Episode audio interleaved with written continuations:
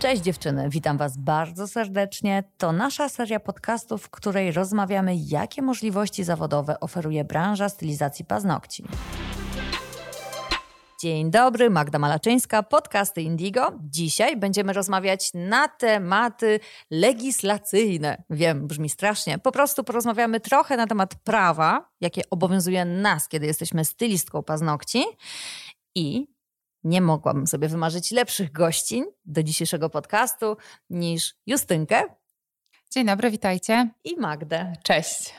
Słuchajcie, gdybyście widzieli to, co ja, to są dwie przepiękne dziewczyny w moim wieku, a kiedy zapytasz, e, Justynko, jaki masz tytuł naukowy, to usłyszysz?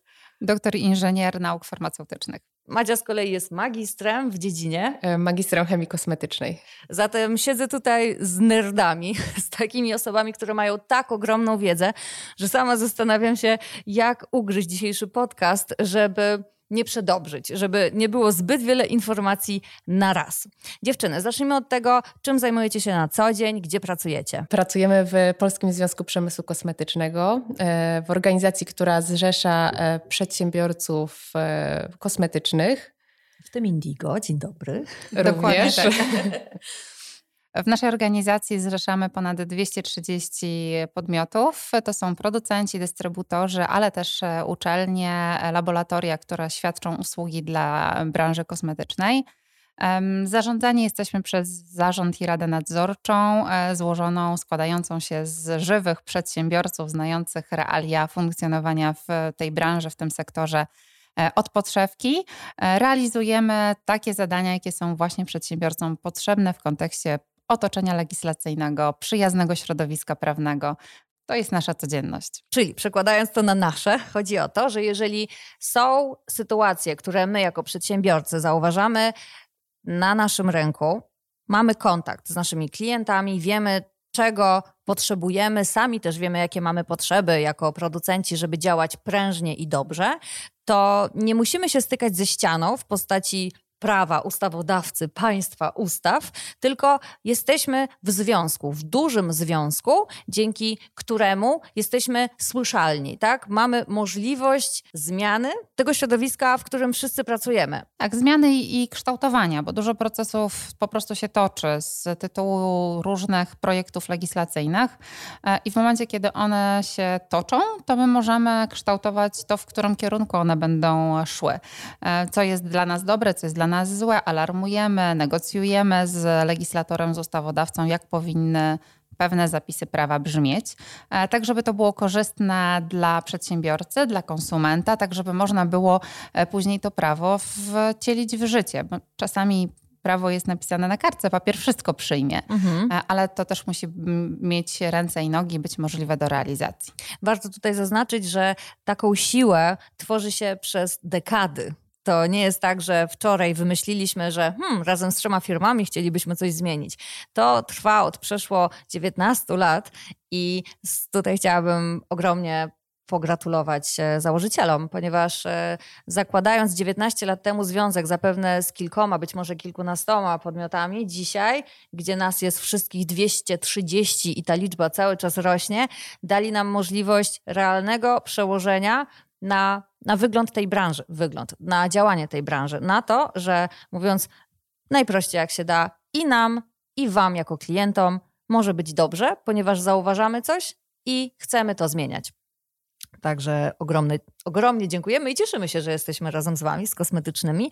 No właśnie, związek nazywa się Polski Związek Przemysłu Kosmetycznego, ale często możecie słyszeć w skrócie kosmetyczni.pl, ponieważ jest taki portal, który właśnie zrzesza nas wszystkich i tam są wszystkie informacje. Okej, okay. kochani, przejdźmy zatem do tego, w jaki sposób powinny być oznakowane produkty, na których pracuje się w salonie kosmetycznym, w jaki sposób ja jako stylistka, która absolutnie nie ma nic wspólnego z prawem i nawet nie chce mieć, w jaki sposób ja mam wiedzieć, że pracuję na dobrym produkcie i kiedy przyjdzie sanepid do mnie na kontrolę, że ja jestem bezpieczna, ponieważ ten produkt jest dobrze opisany. Dlaczego w ogóle powinnyście zwracać na to uwagę? Bardzo często też e, odsprzedajecie produkty, mhm. na których pracujecie, używacie same.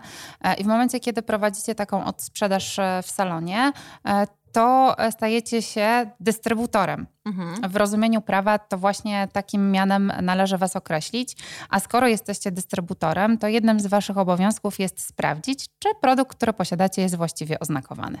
I tutaj mówimy przykładowo o kremach Indigo, które kupujemy w cenie hurtowej i odsprzedajemy naszym klientkom. Tak? Dokładnie tak. tak. Dokładnie. To, to jest taki przykład. I w jaki sposób mamy sprawdzić, czy ten krem jest dobrze oznakowany? Na co zwrócić uwagę na etykiecie? Odliczamy do siedmiu na tak, początek. Powinniśmy się skupić na tym, że produkty kosmetyczne E, mają wymagane siedem niezbędnych, obowiązkowych elementów, które muszą się na tym opakowaniu znaleźć i przede wszystkim powinniśmy się skupić na tym, czy te elementy tam są. Więc zaczynając od y, pierwszego elementu, nazwa i adres osoby odpowiedzialnej. Adres pocztowy, który umożliwi dostarczenie takiej standardowej przesyłki pocztowej mhm. do producenta, do osoby odpowiedzialnej. I jeżeli produkt jest spoza Europy, również powinien znaleźć się na nim e, kraj pochodzenia. Każdy produkt kosmetyczny ma swoją osobę odpowiedzialną. Takiego reprezentanta, czyli najczęściej to jest producent. Tak mhm. Tak jak Indigo jest producentem, umieszcza swoje dane na opakowaniu i jest osobą odpowiedzialną. Tak, bo to może tak zabrzmieć, że to jest, wiesz, pan Kaziu Nowak, tak? Albo nasz Kamil przykładowo, nasz asesor, e, też doktor nauk chemicznych tym razem, chemii organicznej, e, ale to nieważne, to jakby to już firma sobie w środku reguluje, a... Mm... Rozwiązań jest, e, możliwości jest kilka, natomiast najczęściej możemy przyjąć, że to jest producent, e, chociaż rzeczywiście tych przypadków rynkowych jest, e, jest, kilka, jest kilka możliwości. Natomiast e, warto zwrócić uwagę, że na przykład sam adres strony www mhm. to jest za mało. Czyli no musi być taki, tak podany adres, żeby można było zlokalizować um, tą firmę, żeby mogła, tak jak Magda powiedziała, dojść przesyłka pocztowa pod dany adres. Mhm. Może Czyli... być skrócony, ale jednak musi być. Super. Czyli jednym słowem, Numer jeden to jest adres, odwracamy etykietę, widzimy, że jest Indigo, spółka ZO, Senatorska, Łódź, Proszę uprzejmie, jak trzeba będzie coś zwrócić albo komuś wskazać na kontroli ten adres, to on jest. Punkt pierwszy zaliczony. To jest, dobra. Idziemy do punktu drugiego. Punkt drugi, czyli nominalna zawartość e, w momencie pakowania. Wyrażona jest zazwyczaj w gramach czy w mililitrach w przypadku kosmetyków. Jednym słowem, tak nominalna wartość brzmi pięknie. Tak, dokładnie. czyli jednym słowem, jeżeli to jest hybryda, to ma być 7 mililitrów, jeżeli to jest krem, to ma być 300 mililitrów, czy też jakakolwiek inna wartość. Dlaczego jest to istotne z punktu widzenia prawa, aby to było oznakowane? Bo dla mnie z punktu widzenia producenta, no to jest ważne, żeby poinformować moich klientów, jakiej wielkości jest ten produkt. A czy jest jeszcze jakaś dodatkowa? Jest, zmienna? jest, jest, bo od wartości nominalnej zależna jest cena. Dokładnie o tym samym myślałam właśnie, tylko ja bym to bardziej podciągnęła pod łokik. W sensie, że my jako producenci mamy być fair i mamy nie udawać, że nasze duże opakowanie to jest więcej produktów w środku. Jeżeli jeszcze mówimy o pojemności, w przypadku na przykład lakierów, warto mhm. zaznaczyć, że jeżeli produkt jest mniejszy niż 5, 5 gram czy 5 ml, możemy ten element oznakowania, czyli, czyli tą nominalną zawartość pominąć. Więc w niektórych sytuacjach, gdy, gdy mamy produkty właśnie poniżej poniżej tych 5 gram mhm. czy 5 ml, ten element nie musi się znaleźć na opakowaniu. Więc... No i jak to wytłumaczyć tak na chłopski rozum? No to w przypadku na przykład próbek. Czasami mamy tak, że do danego produktu są również próbki. Powinny być darmowe. E, ale to nie ma znaczenia, czy są darmowe, czy płatne. E, mhm. Czy, czy udostępniamy tak zwany produkt e, odpłatnie, czy nieodpłatnie, mhm. to i tak on musi być oznakowany zgodnie z wymaganiami prawa. Więc nawet jeżeli próbka jest nieodpłatnie rozdawana, to i tak musi mieć wszystkie elementy oznakowania, a w przypadku właśnie pojemności jest, jesteśmy zwolnieni z oznakowania, jeżeli to jest mniej niż 5 ml 5 gram. Może powiedzmy, że jeżeli produkt jest tak malutki, że jest poniżej tych pięciu, to już nie jest to tak ważne z punktu widzenia prawa, czy to będzie cztery czy trzy. Dokładnie. Bo ta różnica nie będzie aż tak ogromna w samym mm, procesie użytku. Dokładnie. Natomiast jeżeli kupujesz krem, to ty jako klient masz prawo wiedzieć, czy to jest 250 czy 300 i to nie może być napisane z zamazanym małym druczkiem od prawej do lewej, tylko musi być tak, żeby każdy przeczytał i się nie doszukiwał. Mało tego, jest prawo, które mówi nam dokładnie, jakiej wielkości te e, oznaczenie powinno być. Bo tutaj wchodzimy, co prawda, w inny aspekt prawny. Mhm. Wielkość czcionki i tak. wielkość tak. mililitrów czy gramów. Tak, tak, tak. Pilnują nas, jednym słowem. Pilnują nas, żeby nikomu nie przyszło do głowy, żeby zrobić jakiś numer i Bywają kontrole nawet z bardzo dokładnym przyrządem pomiarowym, żeby to sprawdzać, więc e, producenci nie mają lekko. No, ale bardzo dobrze, ja się bardzo cieszę, ponieważ e, tylko w takich warunkach można stworzyć silną markę. Naprawdę, wiesz, to jak na pustyni która ma ciężkie warunki, wyrastają najsilniejsze rośliny na świecie, to tak samo i tutaj. Im większy masz poligon prawny. Dokładnie tak, ale to też odsiewa tak zwaną nieuczciwą konkurencję. Dokładnie tak. Dokładnie tak. I to też broni nas jako producentów. My chcemy działać zgodnie z prawem, a czasami jesteśmy stawiani na jednej półce e, z osobami, które no po prostu przyszły sobie tak zarobić, jakiś taki strzał złoty zrobić. Wyjdzie to wyjdzie, nie wyjdzie to zrobić na co chwilę. innego. Dokładnie. Czyli podpunkt numer dwa mamy załatwiony. Ok, idziemy do podpunktu numer trzy. Trójka, czyli data minimalnej trwałości. Bardzo ważny element oznakowania, który mówi nam o tym, do jakiego momentu możemy bezpiecznie stosować dany produkt. A co zrobić w sytuacji, w której nasz produkt ma przykładowo 3 lata przydatności, a my go otwieramy na pół roku przed zakończeniem tej daty, no i mamy słoiczek, że możemy używać sobie produktu przez rok, bo taką mamy infografikę. Tak, w takiej sytuacji przede wszystkim powinniśmy się sugerować datą, datą trwałości i powinniśmy otworzyć ten produkt przed datą. I zużyć go do, do momentu zakończenia tego terminu, czyli sugerujemy się datą jako taką nadrzędną informacją. Jeżeli byśmy chcieli uwzględnić czas zużycia tego produktu, czyli te 12 mhm. miesięcy, to musielibyśmy otworzyć na rok przed końcem daty. I nie dzień później. no, czyli jednym słowem, jeżeli mamy kontrolę z sanepidu, to zawsze musimy się rozliczyć z daty tak? A PAO jest takim po prostu dodatkowym elementem, który z punktu widzenia prawa jest obowiązkowy, kiedy produkt ma dłużej niż 36... 30. 30, 30 miesięcy. Dobra, tak. okej. Okay. Czyli to był numer 3. Tak? tak? I co jeszcze warto zaznaczyć? To musi być odpowiednią czcionką, to musi być odpowiednim też materiałem. A co jeżeli produkt, który kupiłam, yy, ściera mi się ta data i ja nie widzę? To tak nie Osoba odpowiedzialna powinna zapewnić, aby to oznakowanie było e, czytelne i trwałe. Trwałe i nieusuwalne. Tak. Także jeżeli to się ściera, to na pewno trzeba wrócić z taką informacją do osoby odpowiedzialnej, e, że po prostu to oznakowanie jest e, nie jest trwałe, nie jest trwałe i, i, i po prostu uniemożliwia zastosowanie odpowiednio produktu i nawet zareklamować taki produkt. Jednym słowem, kiedy robimy przegląd naszych produktów, a szczególnie kiedy nadchodzi do nas kontrola, to musimy sprawdzić, czy mamy datę na każdym z tych produktów, a żeby nie robić takich rzeczy na ostatnią chwilę, to przy zakupie pilnujemy tego, aby ta data była wyraźna, wystarczająco duża? Czy jest określone prawem, jakiej wielkości ma być czcionka? W przypadku daty ważności nie, ale ona musi być widoczna. Na, na pewno musi być umieszczony ten zwrot, najlepiej zużyć przed końcem, bądź symbol klepsydry i na przykład informacja o umiejscowieniu daty, bo czasami data na przykład znajduje się na zgrzewie mhm. E, tuby, Mhm. I to też musi być poinformowany ten konsument czy, czy stylistka jako klient, e, gdzie tej daty należy szukać. Warto zwrócić uwagę, czy ona jest, e, czy ją widzimy i po prostu monitorować u siebie te elementy. Dokładnie, ona powinna być intuicyjnie widoczna. Czyli jeżeli biorę produkt do ręki, to ja od razu widzę, gdzie ta data jest. Jak jej nie widzę, warto zapytać wtedy mojego dystrybutora, dlaczego jej nie widzę. Jeżeli nie ma data, jest tylko PAO, to znaczy, że po prostu trwałość produktu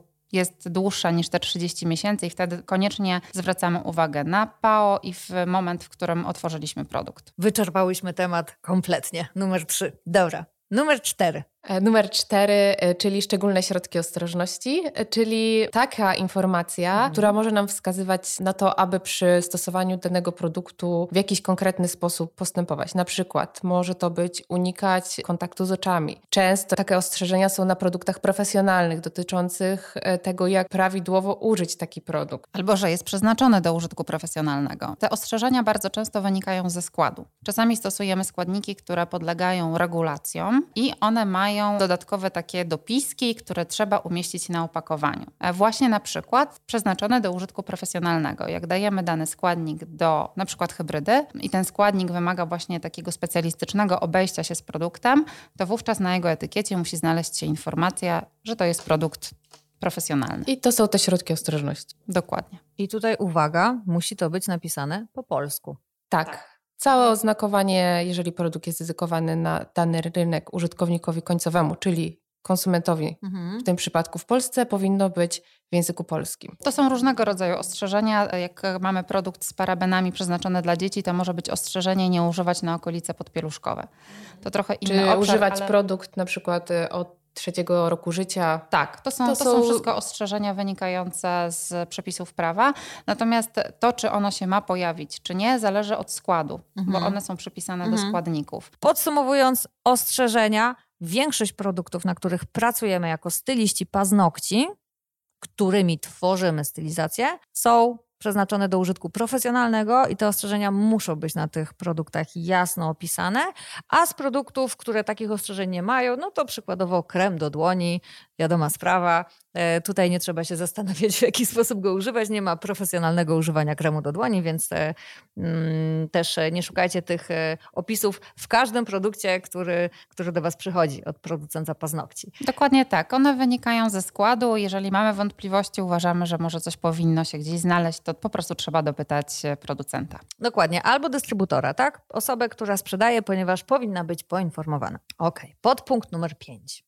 E, piątka, czyli numer partii, czyli oznaczenie, które pozwala na identyfikację produktu z punktu widzenia producenta pozwala mm, mhm. identyfikować ten produkt. My tak to nazywamy śledzeniem w łańcuchu e, dostaw. Tak, śledzeniem w łańcuchu dostaw. Natomiast y, od strony konsumenta może ten element wydawać się niepotrzebny, ale na przykład może nam pomóc y, przy reklamacji produktu, mhm. przy, przy zgłoszeniu jakiegoś działania niepożądanego mhm. producenta.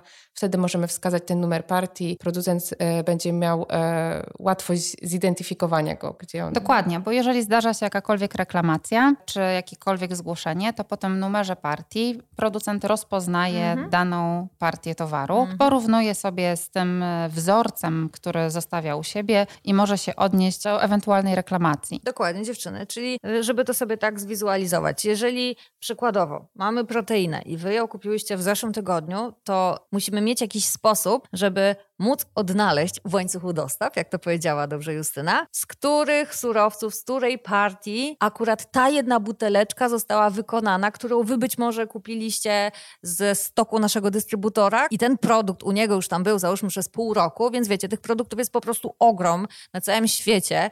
I my za każdym razem musimy wiedzieć, gdzie dany produkt w danym miejscu, w którym momencie my wyprodukowaliśmy, z których surowców, żeby w razie czego móc rozważyć reklamację.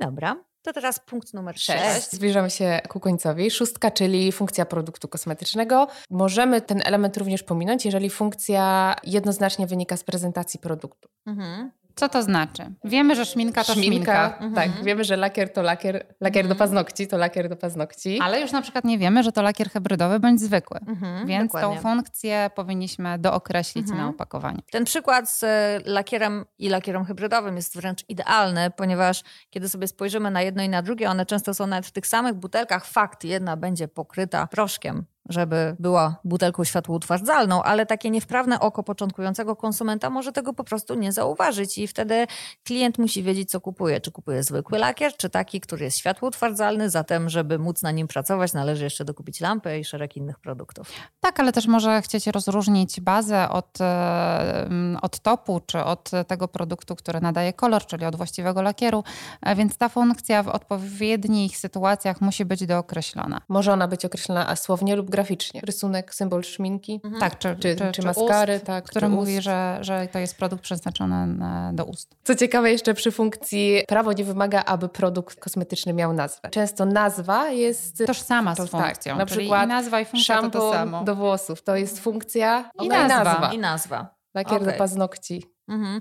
Czyli na przykładzie Indigo my mamy lakier hybrydowy, który nazywa się Gel Polish, ale z punktu widzenia prawa nie trzeba tak nazywać tego lakieru hybrydowego, ponieważ tej kategorii produktów, tak? Bo jeszcze tak. każdy z lakierów ma swoją nazwę, ale z punktu widzenia prawa nie musimy tej kategorii produktu nazywać. Z, z, z prezentacji, czyli z takiego przedstawienia e, całościowego z grafiki widzimy tą buteleczkę charakterystyczną, wiemy, że tam jest w środku zakręcony pędzelek, więc mhm. wiemy, że to jest produkt do paznokci, do malowania, ale już nie wiemy, że on jest hybrydowy, więc dookreślamy, że to jest po prostu produkt hybrydowy. I podpunkt siódmy, ostatni. Tak, ostatni, ale nie mniej ważny, wykaz składników, czyli lista składników, które są w danym produkcie. Mhm. Zawsze na opakowaniu jest poprzedzony y, słowem ingredients. Mhm. I to albo, zawsze tak musi albo być. Powinien, mhm. powinien tak, być. Taka jest zasada. taka tak jest powinno zasada. być. Czasami mhm. spotykamy się, że jest to tłumaczone i jeżeli jest to tłumaczenie dodatkowo umieszczone, to ok. Mhm. Natomiast jeżeli byłoby zamiast słowa ingredients, to jest to błąd. Czyli żadne inki, mhm. żaden skład, nic takiego, tylko angielska nazwa ingredients. Czyli tak, tutaj tego musimy... wymaga prawo. I po tym, po tym słowie mamy wykaz składników. Tak, czyli przykładowo na stronie internetowej będziesz mieć napisane skład produktu, ale na butelce zawsze będziesz mieć ingredients, no bo jest to chyba takie międzynarodowe e, ustandaryzowanie, tak, tak. gdzie każdy już wie, co to znaczy, jak znak stop na przykład, tak, że tak. To prawda, zwłaszcza, że składniki kosmetyczne określane są w specjalnej kosmetycznej nomenklaturze, czyli mhm. to nie jest ani język angielski, ani język łaciński, e, tylko to jest takie trochę pomieszanie nazw angielskich z łaciną, z nazwami na przykład ekstraktów roślinnych. Mhm. Takie to jest trochę wymieszane, ale celem tego jest to, żeby było zrozumiałe wszędzie na świecie. Żeby ta nomenklatura składników kosmetycznych była rozumiana gdziekolwiek nie pojedziemy, gdziekolwiek nie zabierzemy swojego produktu, e, czy będziemy handlować tym produktem, bo z, te, z tego mhm. względu też jest ważne, żeby nie trzeba było tych skomplikowanych nazw tłumaczyć na wszystkie języki świata. Te siedem punktów, które wymieniliśmy, to jest obowiązek producenta, tudzież dystrybutora, który wprowadza dany produkt na teren kraju. Dokładnie, osoby odpowiedzialnej. A czy to również jest odpowiedzialność stylistki, żeby te oznakowania, ta święta siódemka była na każdym produkcie? Ono właśnie może się stać. Mm, generalnie, jeżeli e, odsprzedajemy produkty, czyli stajemy się mhm. dystrybutorem, jak powiedzieliśmy na początku, no to wtedy mamy obowiązek sprawdzić, czy oznakowanie jest prawidłowe. Mhm. To jest zapisany obowiązek dystrybutora. Mhm. Tak samo jak e, musimy pilnować tego, czy produkty są w odpowiednich warunkach przechowywane i czy na przykład są odpowiednio transportowane.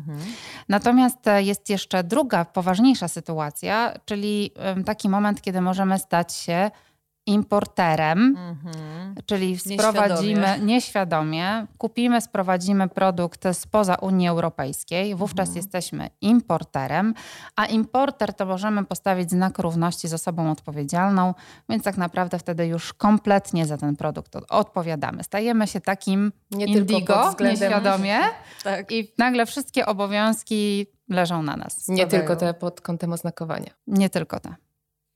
Warto o tym wspomnieć, ponieważ żyjemy w czasach, w których y, wszyscy szukamy oszczędności, nie ma w tym nic złego i może nam przyjść do głowy pomysł, że skoro kupujemy ubrania na AliExpress albo wystrój do naszego salonu na AliExpress, to dlaczego by nie kupić jakiegoś topu albo może jakichś pięknych kolorów?